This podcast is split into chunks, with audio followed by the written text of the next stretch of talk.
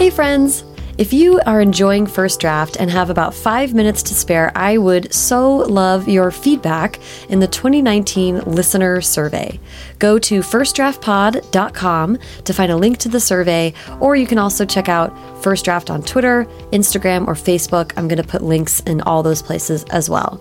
It's quick and easy, and the responses are going to go a long way in helping me craft the future of the show and come up with some awesome new things to share with you. So, thank you so much for your time, and on with the show.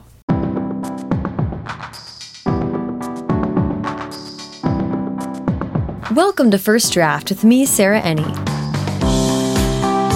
This week I'm sharing the live taping of First Draft that kicked off Chattanooga State University's YA-Hoo Fest, a really special literary event that featured a lot of incredible YA authors, uh, such as some of the ones you're about to hear from, including Rick Yancey, New York Times bestselling author of the Fifth Wave series and the Monstrumologist series, and more. Cindy Pon, author of Want and its sequel Ruse, as well as the Silver Phoenix series and more. And Justin A. Reynolds, debut author of The Opposite of Always. I loved what all three authors had to say about plotting the end of humanity, domed Chinese playgrounds, the universal experience of grief, and the magic of writing at 2 a.m. So please sit back, relax, and enjoy the conversation.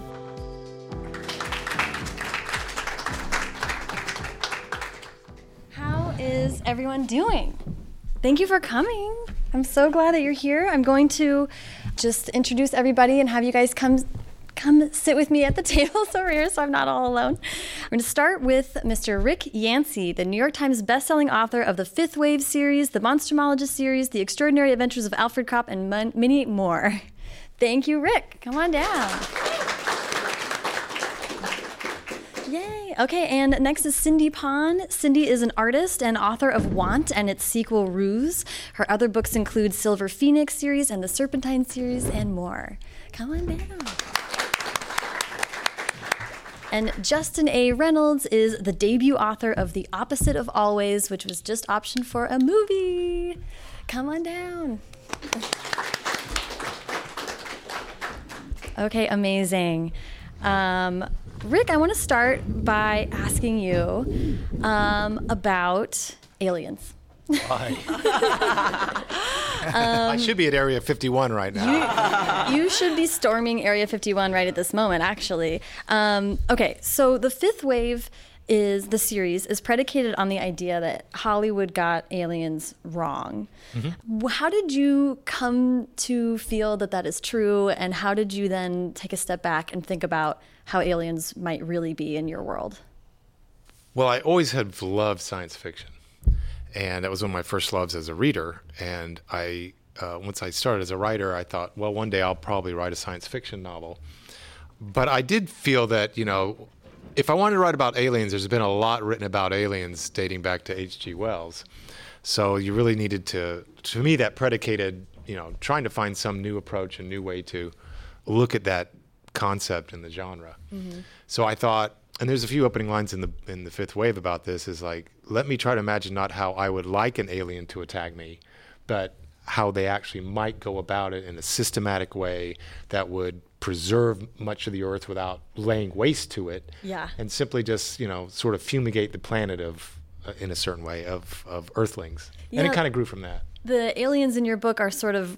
They don't want to harm the planet. They want to just get rid of us. We're just Right. pesky to them. right it's like moving into a house that you find is infested and so first you're going to you know get rid of all the pests before you can move in so It was pretty chilling, uh, all very clever, and I was like, "Oh, so he really he came up with a really good way to do that." yeah that's what you know that's part of the joy of writing is you get to you know kind of think outside your own box you know i don't sit around myself personally plotting the end of humanity but it was exciting in a creative way Yes. creatively to to make that plan yeah, I mean, I'm glad to hear that. Um, the so, and I I have to ask about. There's a few different really interesting things about aliens. There's a lot going on with aliens right now. They're kind of out there. People mm-hmm. are storming Area 51.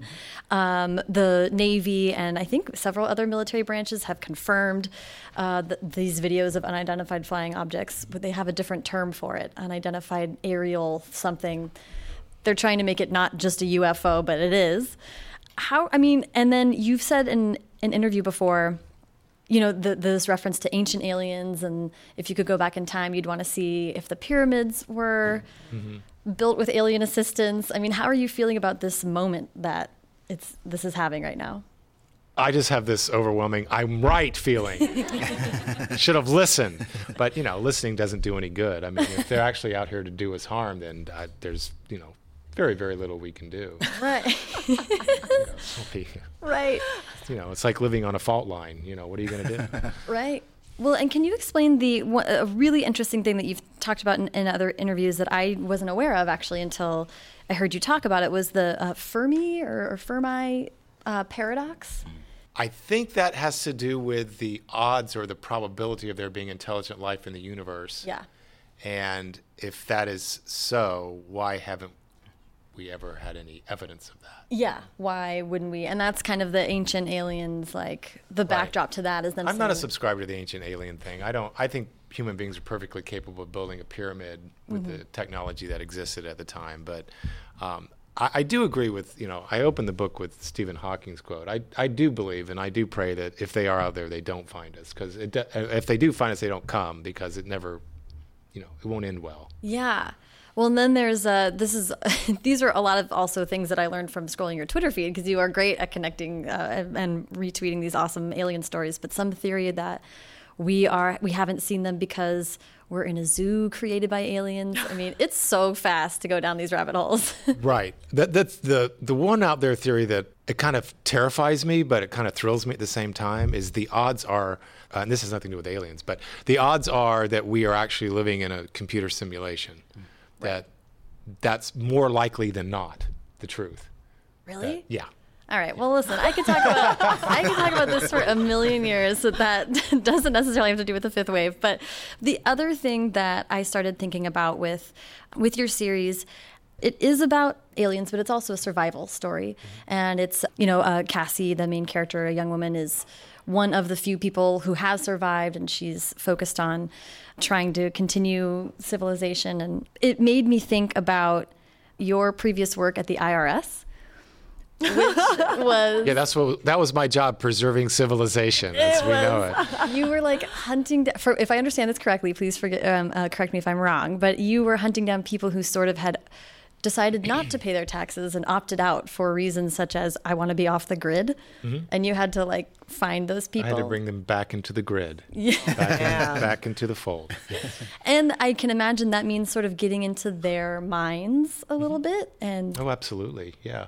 And as a creative type, that was you know one of the strange draws of the job mm-hmm. was I was exposed to you know people in, and in circumstances that were you know totally foreign to me and able to you know i mean it's there's a dark side of that too because if you have any empathy at all you know which i had probably had too much of for that job was your your heart just breaks. Because most people i mean this should make us feel good. I mean 99% of us follow the law and do the right thing and you know taxes is part of that and people would run into circumstances beyond their control in many cases and we're not you know to blame. Yeah. Which is why i chose like near the end of my career to go a totally different route and try to just collect from people who were jerks and just decided I'm not going to pay my taxes. Somebody else can pay them. I'm not going to do it. Right. And amass, you know, illegal fortunes and yeah. assets and trying to you know screw the rest of us and that that kind of motivated me yeah that's very motivating you had a great if you don't mind sharing the story i was you talked in another interview with this great story about a guy who had a really fancy collectible car that you were yeah God, I didn't like that guy. he was a very successful businessman, and he was, you know, very in your face. I'm never going to pay you. You're scum. You're a Nazi. And I went walking outside and saw this beautiful cherry red Corvette, a collectible. I think it was a '68, sitting there in the parking space. And I looked at my partner and I said, "There's no way. I just, I, there's no way." And contacted DMV, and it was his and it wasn't in someone else's name to try to put it beyond our reach. So I called the tow truck right then. oh, man. I go turning back around. I go walking into a business. I said, I just want to be sure, is that your Corvette? And the look on his face, he said, yes. And I said, well, we're taking it. And I turned around and, and left and was doing the paperwork to give to him. And he came out and he, you know, he had a legal yellow pad and he was writing down everything I said. And he was writing down as a tow truck driver. And I walked around the vehicle, you know, marking it for, you know, any scratches or because they'll always come back and blame you for stuff. He was writing down everything too. And then I handed him the paperwork. He spat on me, told me he was going to sue me, and you know do all these terrible things to me and my family. And then, then it was over. And the end of that story is I didn't get to sell it. In normal circumstances, the government sees it, and then they sell it, and they apply it towards your back taxes. But he came up with the entirety of his his money to pay it all off and get his car back. And his wife told me, she said, "You you took his baby." And I said, "That's a terrible thing to say about this car." How dare you impugn this vehicle? uh, I just love that because you don't, we, or at least I don't, when I think about uh, someone working for the IRS, imagine these sort of in the field, like detective work, but that was really, sounded pretty exciting. Yeah, that was part of it that, that appealed to me. Yeah. Uh, you also wrote a memoir about your time there, so if you like this story, you can find more of them in, in Rick's book um, about uh, his time at the IRS, which is awesome. Okay, uh, I'm going to come back and have I have more questions for you, but I'm going to introduce Cindy and get um, some questions to Cindy. Today was such a fortuitous day to chat with you, actually, because we just saw global protest about oh, yes that's right yes about climate change yes. and and climate activists taking to the streets and that is so much at the root of want and what is going on in, in want and ruse um, it's a near future taipei where a nefarious corporation has made conditions almost impossible to live, at least if you don't have the money mm-hmm. to adapt. I mean, how the world of want, I, was, I wrote, the world of want feels perilously close to our late stage capitalist reality. what drew you to write this book? You also started writing it long before it was kind of I did. Um, it started as a short story. Uh, it's the first, my first sci-fi, um, and it was probably the hardest book I ever wrote because I'm a fantasy writer, um, and I easily fall into fantasy. And it's also my first teen boy, and so that voice, you know, I would take breaks from want because I was actually under deadline and contract for Serpentine, and I'd come back and try and get into the story, and my critique group would be like. Okay, Cindy, Jason's sounding like a middle aged lady again. And I'm like, ah! I had to fight so hard for his voice. And then also like slang and all of that kind of stuff that you don't really think about for fantasy, historical fantasy. But basically it's kind of a love letter to my birth city taipei. I'm from taiwan. And i was when i started it as a short story i wasn't quite sure what it was about except that the haves were able to live in this these conditions um, and have the best food and the best water and the best air and survive and everybody else had, you know, compromised immunity, had, you know, pneumonia and colds and everything, and not the access to health care. Mm-hmm. This took seven years to write because of different contracts in between. And I was basically pulling headlines from the news, um, mostly from China. Mm-hmm. I mean, I was just adding these links while I was researching. And one, this was from probably at least five years ago, where they said st- studies have shown that the Chinese in northern China have a lifespan of five years taken off because they live in polluted northern China. And I've only been to southern China, and the pollution is pretty bad in southern China. So I can't imagine how bad it is in northern China. Yeah. So for them to say that the lifespan is actually shortened, you know, and that's how bad it is, is really bad. And it was to the point where you know they already wear the little masks everybody wears a mask but they were going to the point where they have the actual filters that they can use that they put on they kind of look like insects uh-huh. so they moved that they moved moved on to that and then another um, headline I saw was how Seoul was being affected by Chinese pollution. Their giant cloud of pollution would just drift over to Seoul, Korea, and they had to deal with it. And so the idea I just wanted the idea, like we're just so like, oh, we're we're Americans, we're in the United States, and you know we are whatever. But it's not. We're of the world, we're of the earth, and you know the everything that happens is going to happen to everyone. Mm-hmm. And so we can't be isolated and think, oh, well, that's over there in Antarctica, or that's over. I mean, we're a teeny tiny planet, and um, we all need to kind of try to preserve it as best as we can. And so Another headline that I didn't even put in Ruse was the second book moves to Shanghai. And because the air in northern China is so bad, the kids can't go out for recess half the time because the air is at dangerous levels. And so the parents of private school kids built little bubbles over their private schools so the kids could go out and play and have air pumped in whereas you know if you're in public school too bad you're just going to be stuck inside because you don't right. have you don't have rich parents to build you a bubble so i mean it's literally access to air access to things that you would expect to have naturally mm-hmm. and it, it's moving to a place where um, only if you have the funds to provide that. So it's it sounds like a dystopia, but it's happening now, it's, kind of yeah. thing.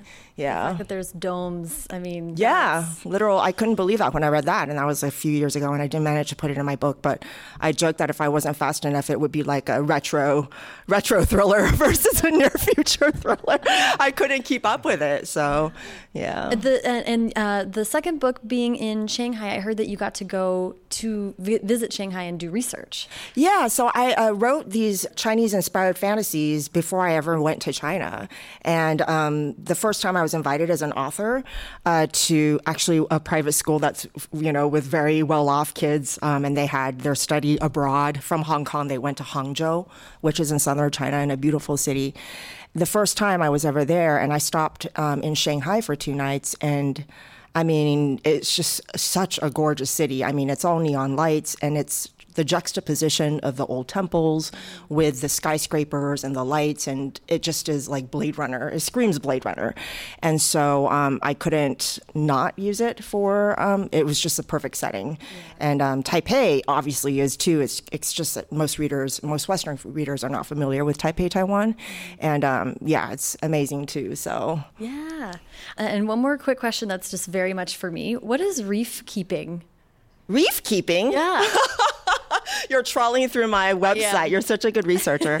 um, so this was I get kind of obsessive with things, and so like for a short time I needed to buy antique typewriters, and so you know mm-hmm. I'd just be like looking at Etsy and looking at all the things and to like buy the one antique typewriter, and so I got obsessed with um, saltwater tanks, and so I got a little eight gallon saltwater tank, and you just keep you know see see like ocean critters in it, and there's so much biodiversity that all of a sudden there'd be little starfish that come out and little and you don't you don't put them in there. They just kind of appear out of nowhere so it's yeah so the, the so prettiest cool. colors and the corals and everything but then i got too busy so i had to take down my tank but I, I miss it a lot yeah. yeah i read it and i was like oh like environmental activist writer is single-handedly trying to save the reefs with my little eight gallon tank yeah. yes you know what you gotta start somewhere right exactly well thank you cindy Thank you, Sarah. Uh, okay, I'm gonna have a few questions for Justin, and then we're gonna kind of talk all three of us together. Uh, how you doing? I'm great. Good. Thanks. Good. Um, so what I love is that we're moving from. I think the fifth wave is maybe the most sci-fi out there. This is near future, and now we're at speculative fiction, but it's kind of contempt with just a little twist. Do you mind just telling us op- opposite of always the, the premise for it? Yeah. So if you've seen Groundhog Day, uh, we know the premise of that is the same day being repeated time and time again. Hopefully, some lessons are being learned along the way. uh, it takes a long time.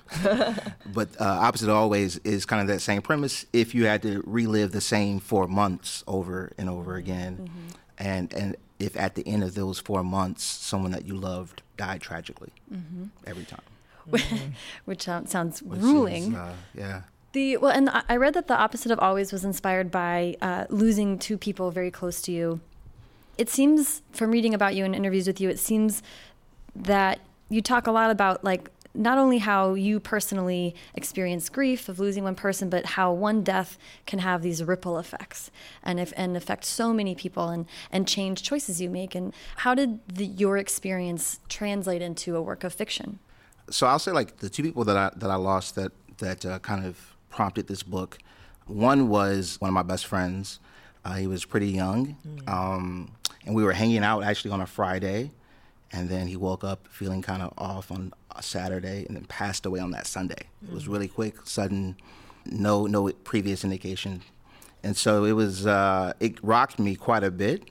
It rocked a lot of us um, uh, quite a bit. Uh, in fact, like I remember, especially because this person, uh, literally, there's nothing that I could think of that was ever said about him in a negative light. A single thing The only complaint that I would have had is that he always needed a ride somewhere. but short of that, I mean, like you're not gonna hold that against somebody. I mean, short of that, he was he was an awesome person. He had over 500 people show up at his funeral, and people stayed there until we had we were like forced out of the building literally because um, that's just the type of person that he was. He he lit- he made you feel like when he was talking to you, you were the most important person. He was always very present, and he was also he was hilarious. Um, and then my my aunt, who uh, was was very much like a mother uh, to me, passed away, and that was I mean she was also young. She was in her uh, her early fifties, and um, that was pretty traumatic as well. She was like the person who kind of gave me permission to be myself, who who never really very like non-judgmental, but but also just kind of she would she would be very quick to kind of to try to make sure you're on the, you're to do some course correcting, but she also but she also gave you like the space to just to be an individual, uh, which is something that I that I I don't think I even fully appreciated what that meant until later. But so both of those individuals within a short period of time uh, passed, and then I and then I lost a patient who I was very close to. Um, I used to work in on, oncology and in hematology, and so uh, sickle cell was a big part of what I what I saw day to day. And in those cases, we'd have the same patients like quite often. They would be there for for sometimes weeks, months um, at a time. And so you develop a relationship with those individuals. And one person in particular who I had developed a nice friendship with passed away. So it was a lot. And at the outset, I didn't actually think that I had the right to tell a story that was prompted by those things because, you know, my grief is one thing, but, you know, these are people who not only live on through my stories, but through the stories of lots of people and who, who own a piece of that memory just as much as I do, if not more. Right. And so for a long time, and then I also kind of felt weird to, to like, what if someone, what if this book gets published and then like I'm profiting off of this mm-hmm. uh-huh. misery? It's kind of a weird thing hmm. to do. And so what actually prompted it, what, what kind of pushed me was two things. Um, my cousin who, it was her mother who had passed. We were talking like late one night at my kitchen table and she was just like, the best way that you personally can preserve this experience is to tell the story in a way that only you could because she's like this is a way that we can not only talk about the grief that's within our family but an opportunity to talk about grief with other people right mm-hmm. a universal experience unfortunately and and so I did it. And the other thing I was afraid of initially was that I'd have to continue to, to talk about it every mm, time Right. I went somewhere. But I actually I actually ended up telling the story because um, I found it was the opposite effect. It actually felt therapeutic to talk about it.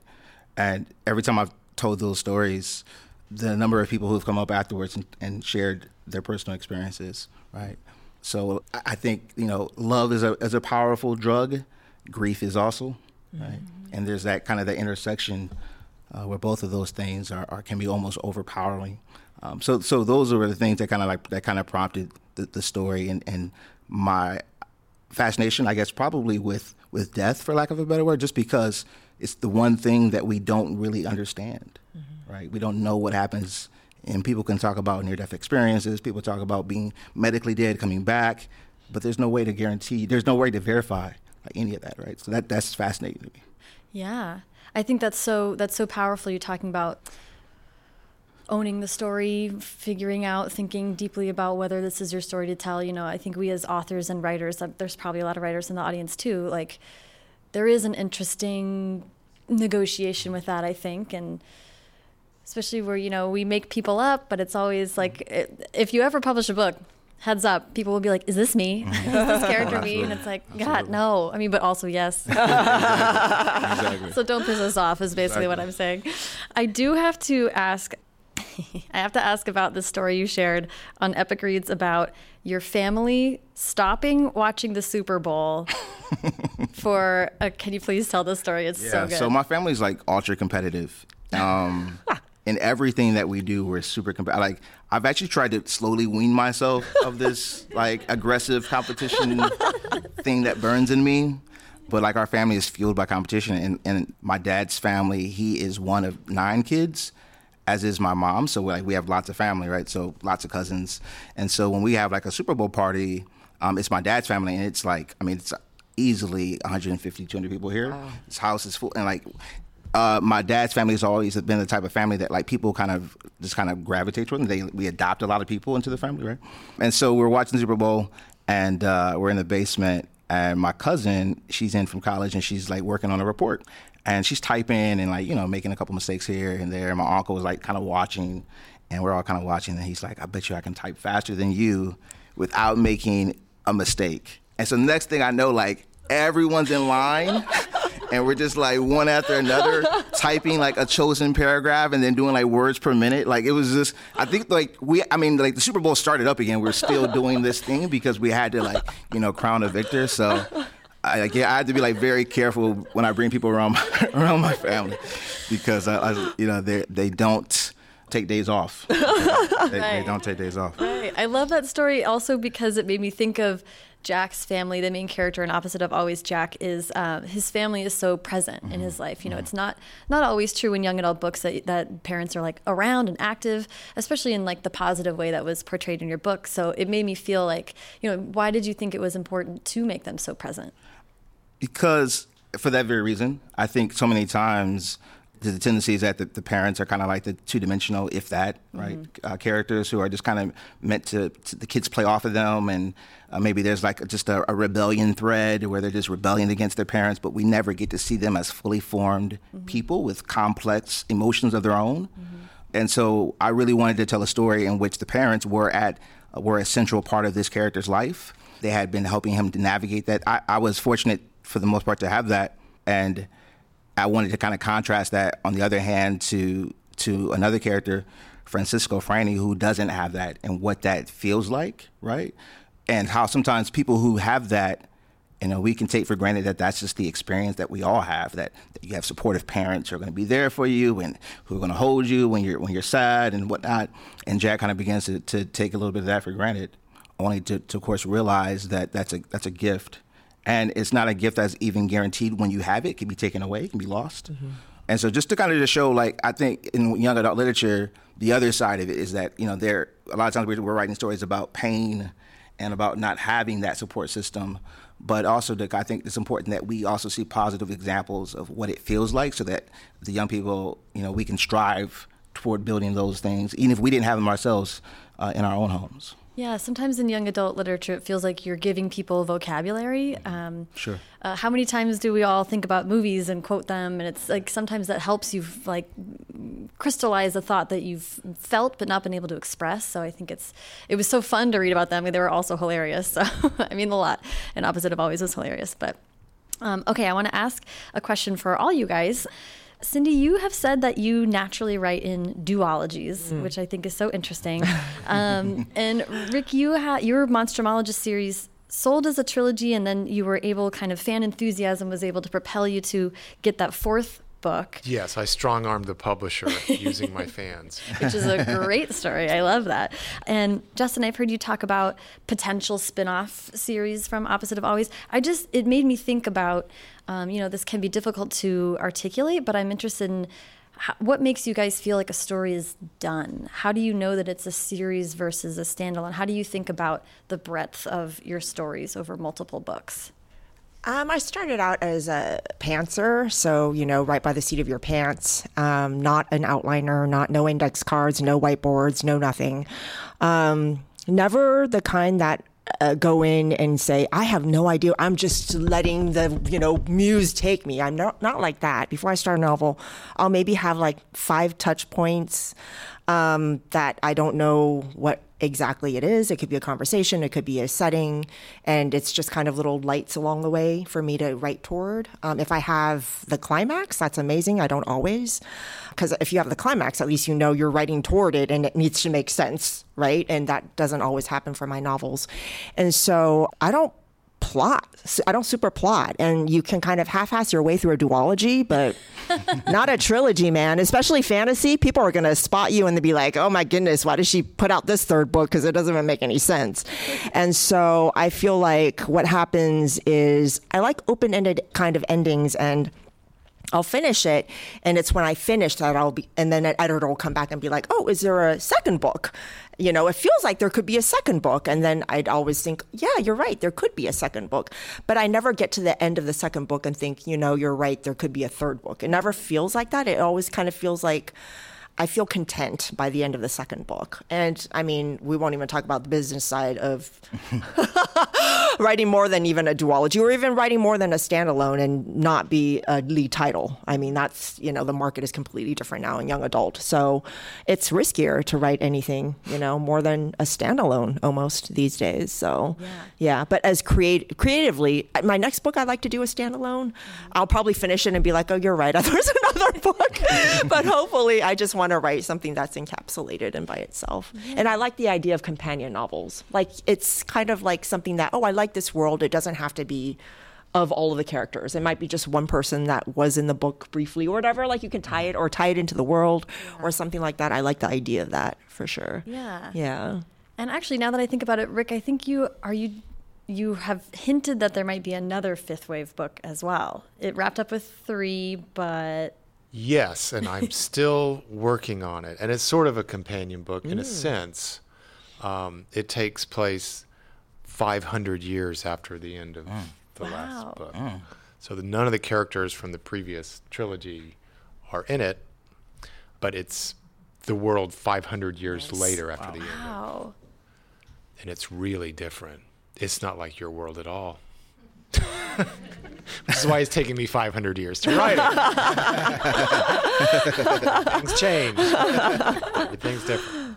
What made that idea come to you? How do you think about? It? Well, I tried actually. First, I tried a book that took place just a couple years after the end of the last book, and then that wasn't working. So I wrote one that takes place about 50 years after the end of the first book, and that wasn't really working out. So I said, "Oh, screw it! I'll do 500 years, and I'll see how that goes." And it's you know that that seems to that seems to work. That's sticking. What what was it that I, I, I mean? I'd love for you to tell the story of Monstrumologist and, and being able to complete that series, but but I I just love to hear you got to the end of three books and what made you feel so strongly that there was more well, yet. from the tell. very from the very beginning, and this kind of goes to your point.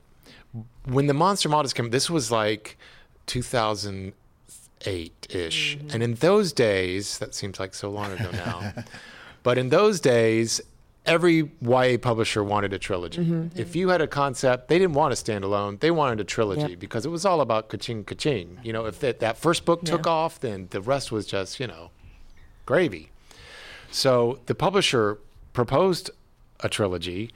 I had pointed out early on that, well, I've set up in my story that if you don't know the story of the Monstrumologist, I'll give it to you in a nutshell. This semi famous author is doing research on a novel and and during the course of his research runs across this administrator of a old folks home in Florida who says, "I thought of you because we had a resident just recently passed away.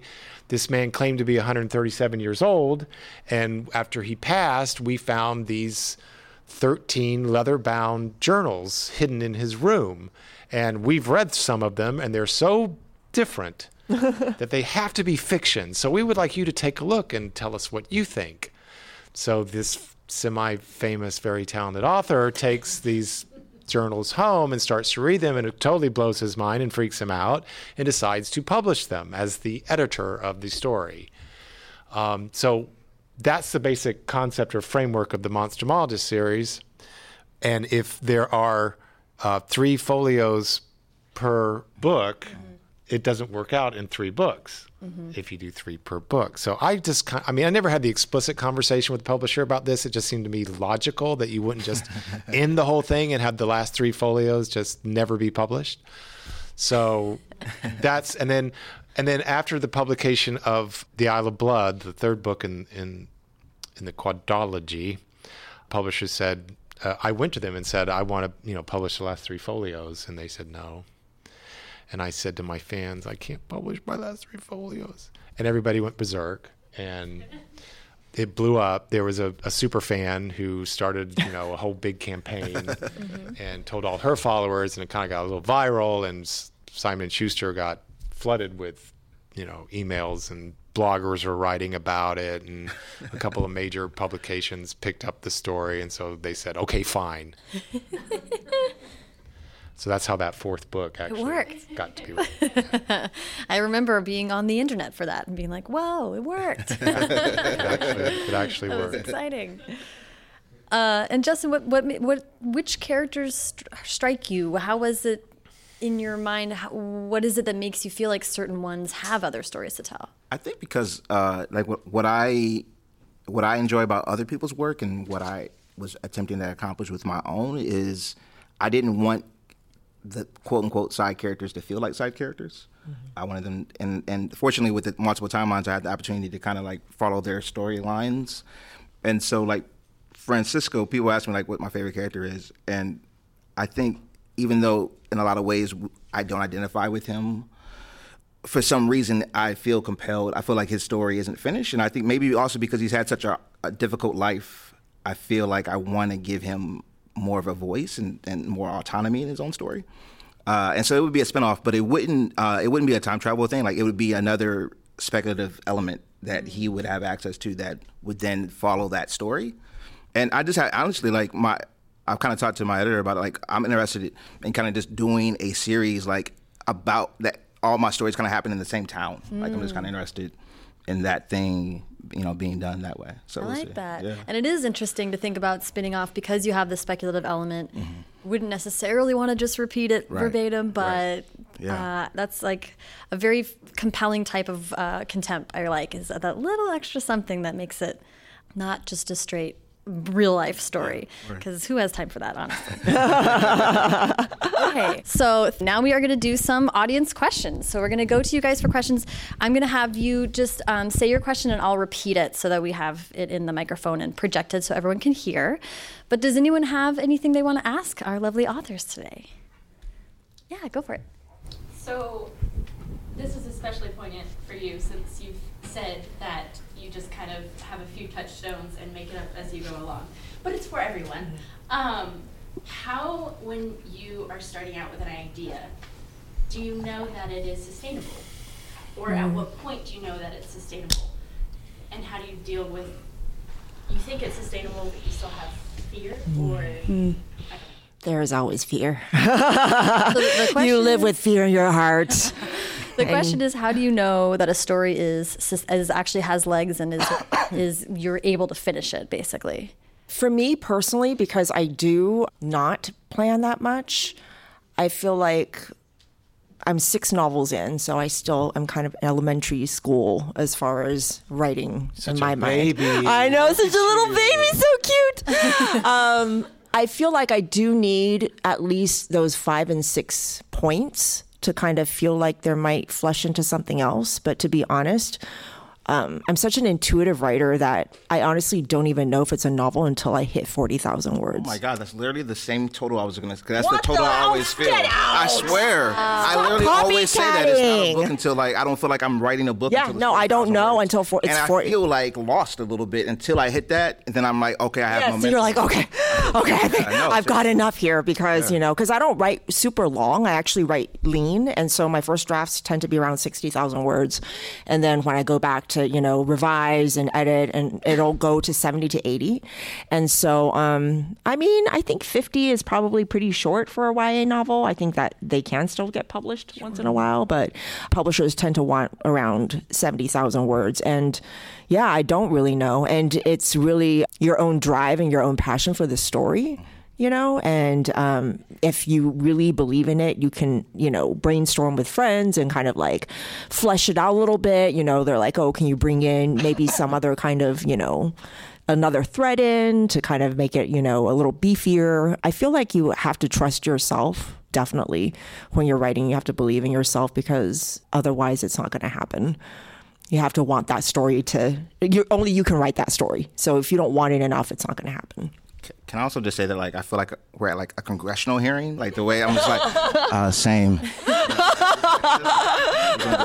um, no, I would say though, same. So, so forty thousand words, it doesn't feel real until it's forty thousand for me, and I think that threshold is like, okay, I have the makings of a real story.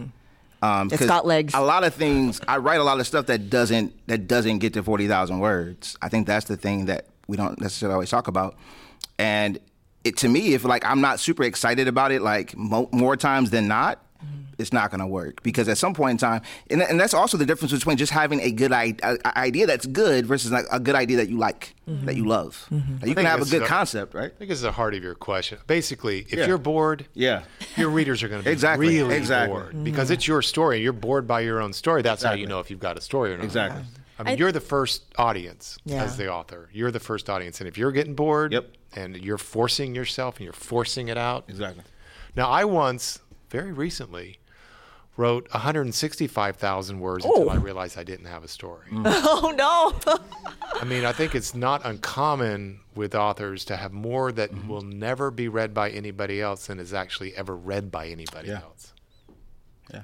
So what you see is the tip of the iceberg, the nice, pretty, shiny object. You don't see the gunky, gross thing underneath the Uh, and crap, I will which you don't want to see. no, no one wants to see that. I, I will also answer because I also have a book called Tell Me Everything, which is just a straight contempt. So I'm on the end of the spectrum, so spectrum funny, you went to Sarah. straight contempt. But uh, but I agree. I I have. This is going to sound like a brag. It's not. I've never even set out to write something until I felt like I'd messed it around in my head enough to be like, oh yeah, no, I see like basically scenes I want to write to. Like you were saying, it's kind of like you almost see it like a movie a little bit. Mm-hmm. I've been lucky that I've just writers are often like have very little ideas, very few ideas and far between, or they have too many ideas. Mm-hmm. And I have I get too many ideas, so often I can kind of wade through them and be like, no, these ones are junk, but this one I mm. can't stop thinking about. And then I kind of that that being said, the book I'm writing right now that will hopefully be the follow up to Tell Me Everything, I started writing in 2012. It's on maybe draft 12. Oh wow. Um, and so the book that I started and and loved is not the book it is now, but it's just still interesting to me, which is shocking. And you know, we'll see if publishers agree. But um, but yeah, so I think you I think believing in yourself is is and just just whatever keeps you going back to the computer. That's what you want to stick with. Think that's an awesome question. Thank you. Anyone else luck. have a question? Yeah. Um, when those of you that have done movies for your books or are going to, obviously, um, what is the best part about it and what is the scariest part about it? Like, are you afraid they're gonna make too many cuts or cut the really cr- critical parts? Or yeah. Here we go.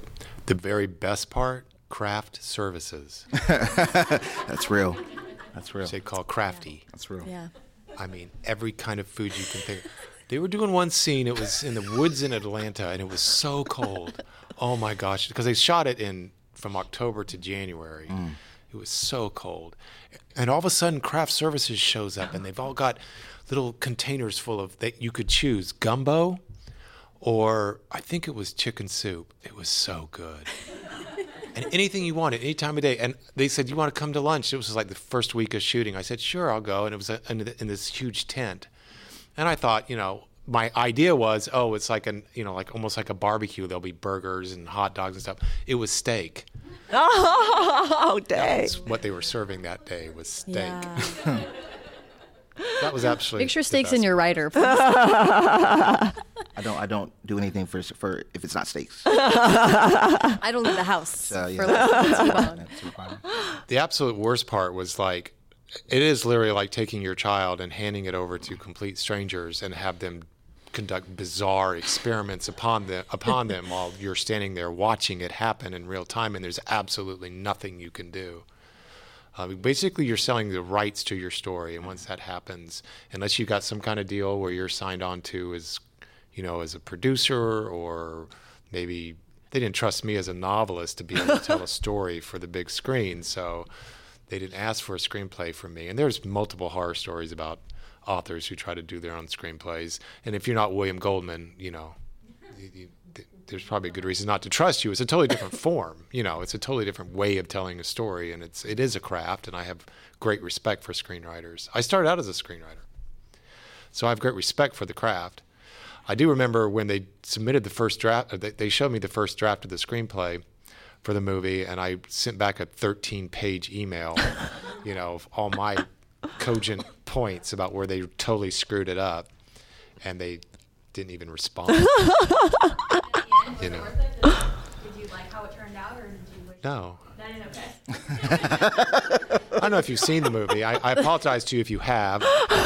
Um, but they, they made, you know, they made several choices that I just simply fundamentally disagreed with, uh, from whitewashing a character to, uh, you know, changing a, f- you know, fundamental aspects of the story to changing. I read the Roger Ebert review of the film, comparing the film to the book, basically, and I totally agreed with that review, um, where you know it said it was a basic betrayal of Cassie's character, and it was. Nothing against Chloe; she's a wonderful actress and a really cool person, but the screenwriters really took that character, and I don't. What are you going to do? I, I was just happy to be there. Yeah. Craft services. You know?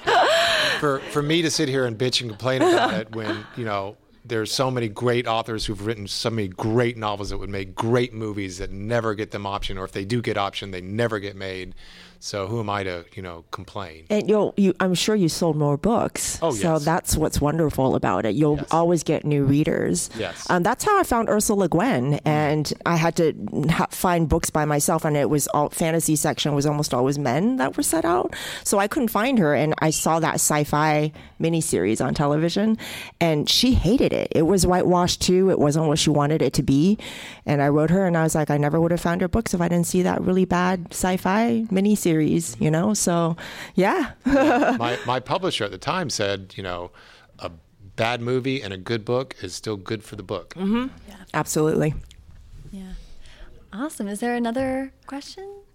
So the question is how, how do you find when you have work that you feel good about and ready to, to take to the next step, how do you find a, the right publisher for you? And I think, I'm not sure if anyone up here has dealt in self-publishing at all. And we can definitely answer from a traditional public publishing standpoint um, which is one of many other valid ways to get your work in the world. Um, but do you guys want to take that? How, how does a typical traditional publishing, pa- publishing path look like? I- I was just going to say, to one point, is that in a former life, I did a lot of spoken word poetry, and there's a thing called chapbooks that you might also be interested in, and it's basically like you make you kind of create your own books, and then people would like sell those at like shows, like you'd make hundred copies of that thing. So it sounds kind of kind of like you're kind of experimenting with a little bit of that. As far as like a traditional, the traditional model, it, it is essentially where someone acquires your publication after you've typically submitted uh, your agent has submitted for you. So you usually get an agent, and then that agent has some connections. They they've they have some relationships with editors, and they kind of have an idea who might want to be who might be interested in your story topic or idea or what have you, that genre, and they'll submit to those uh, those editors at those houses. Those house uh, editors will acquire after getting permission or approval from the rest of the team there and then uh, and then they'll they'll put out that that publication. Essentially, like this in a nutshell, that's how it works. Um, but that sounds really quick. It's like doing that over the course of many many months. That's how that how that works. yeah. Like no one told me. Like I mean, I, I sold my book, and then I mean, it came out like two years later. Yeah. people would be like, "Oh, so where, where can I buy your book? Congratulations on the deal." And I'm, they're like, like, "Is it here? Is it there?" I'm like, uh, Next month, Come back in like two not. years. yeah, like keep that enthusiasm Yeah. for like two years, and then we'll we'll do it. So.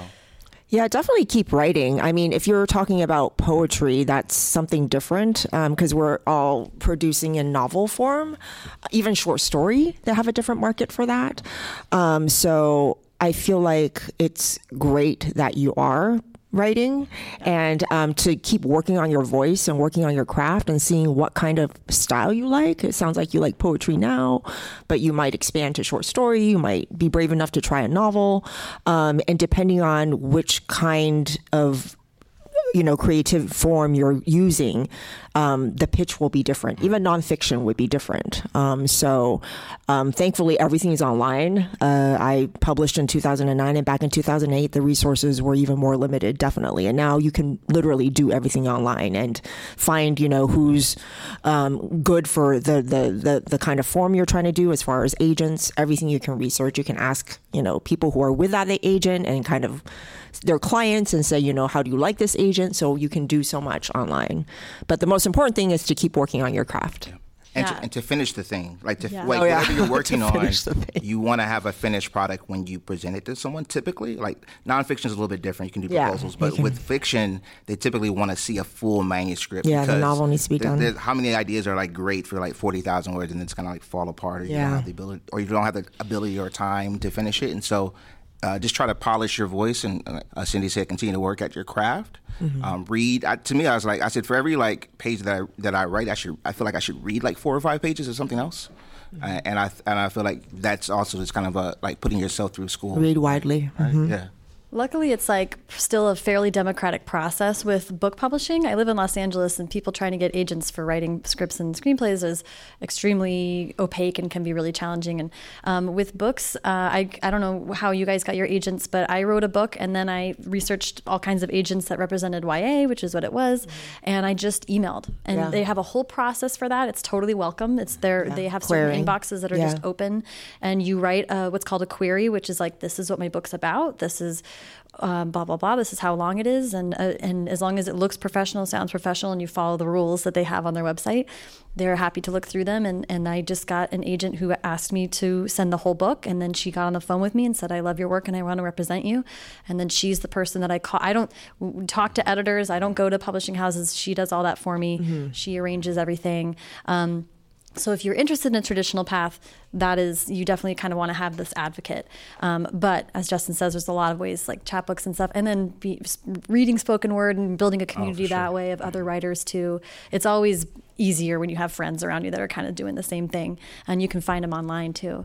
Um, a lot of my writer friends are Twitter-based friendships, so. Yeah. Yeah, but that's a great question. Thank you. And yeah, keep writing, please. Um, I think we have time for one more quick question. Um, does anybody have? Uh, if not, I have a question actually that I'm curious to ask you guys. Um, because Rick, in an interview you gave once, you said 2 a 2 a.m. writing is better than 2 p.m. writing because you're too tired to judge yourself. I think. I just, what is your guys' process? How do you how do you actually get the words out?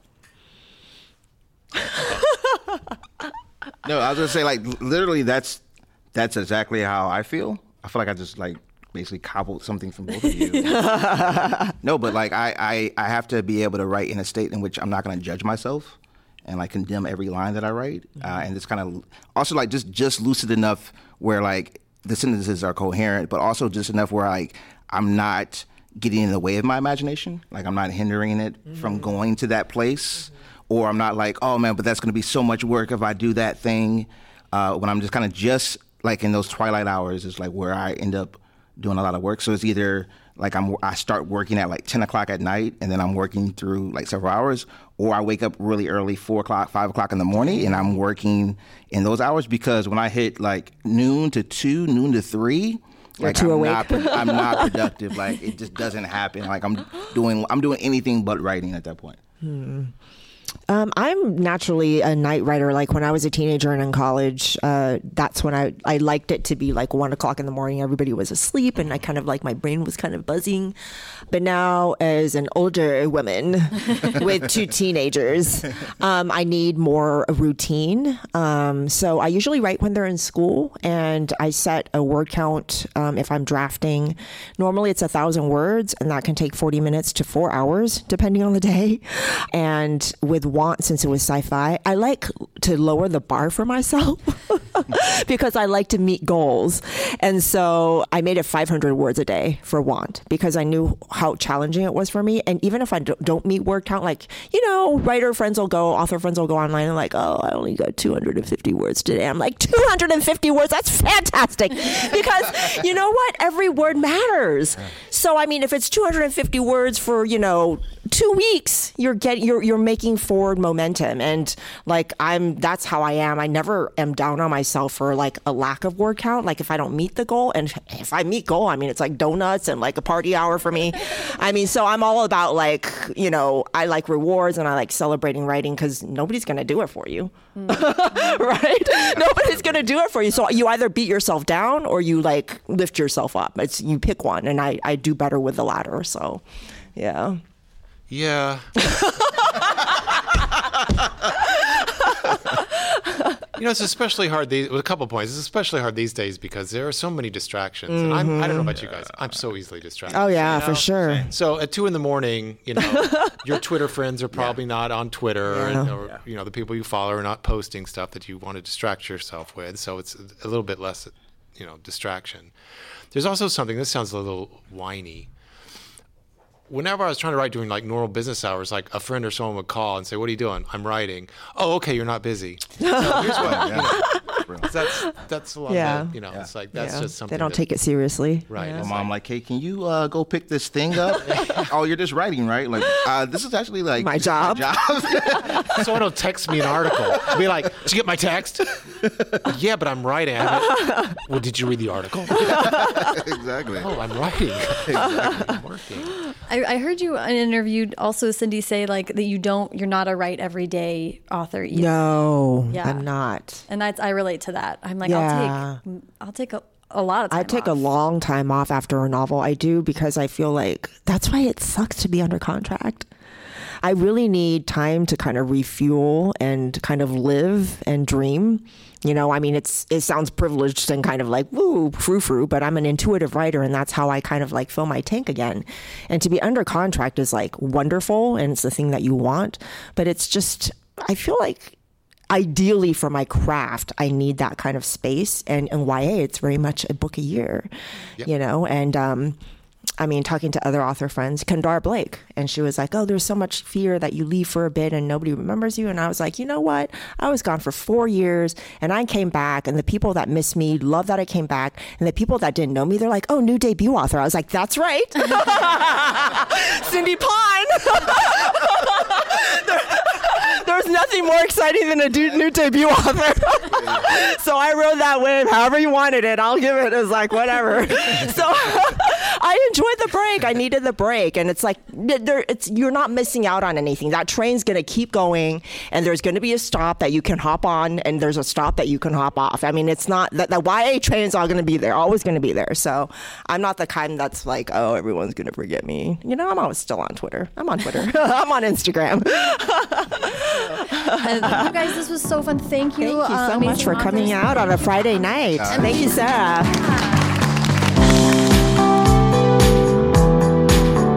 Thank you so much to Rick, Cindy, and Justin, and thank you so much to YA-Hoo Fest and everyone that made that really awesome festival possible. It was a total blast. Find links to all of their social medias, as well as links to everything we talked about in this panel, in the show notes. Those are at firstdraftpod.com. And while you're there, don't forget to fill out the handy listener survey that will be so helpful in um, kind of planning the future of First Draft. If you have writing or creativity questions that you'd like me and a future smart, smart guest to answer in an upcoming episode, please leave a voicemail at 818 533 1998 with your question. I'm really hoping to hear from you guys and find a way to give some sort of helpful feedback. So, yeah, 818 533 1998. If you enjoyed the show today, please subscribe to the podcast wherever you're listening now and leave a rating or review on iTunes. I'm going to share a five star review that was just left on iTunes by Can Possibly. Can Possibly says, Amazing! Such a refreshing podcast with a balance of fun, casual conversations with authors and awesome craft advice. Thank you so much, Can Possibly. You have the most like optimistic username I've ever ever heard, and uh, that review means a ton. It also helps so much to kind of get first draft into the ears of people that might not hear it otherwise, and so I appreciate it a ton. Haley Hirschman produced this episode. The theme music is by Dan Bailey, and the logo was designed by Colin Keith. Thanks to production assistant Tasneem Daoud and transcriptionist at large Julie Anderson. And as ever, thanks to you, ultra competitive speed typers, for listening.